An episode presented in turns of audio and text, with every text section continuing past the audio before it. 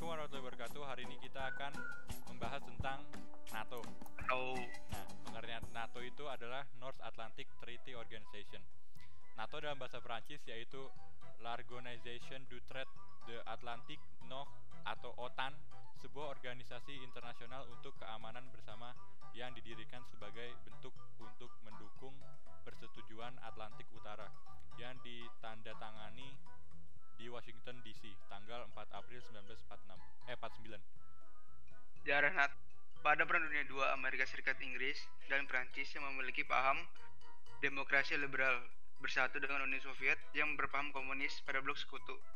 Secara nyata, demokrasi eh, liberal atau liberalisme dan komunisme adalah dua paham yang saling bertolak belakang.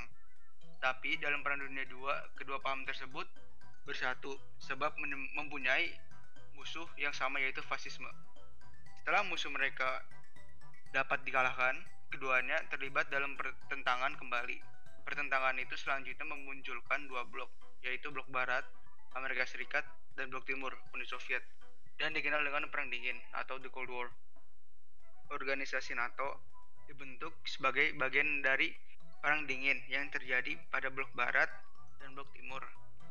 NATO adalah organisasi regional yang fokus terhadap perhatian dalam bidang pertahanan negara-negara Atlantik Utara.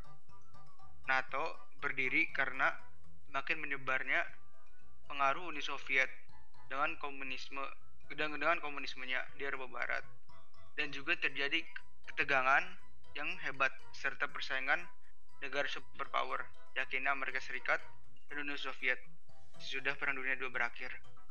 Untuk memperlambat pengaruh paham komunis tersebut, maka negara-negara seperti Amerika Serikat, Kanada, Prancis, Belgia, Luxembourg, Italia, Norwegia, Denmark, Islandia, dan Portugal sama-sama bertanda tangan pada naskah Perjanjian Atlantik Utara tanggal 4 April 1949 di Brussels, Belgia.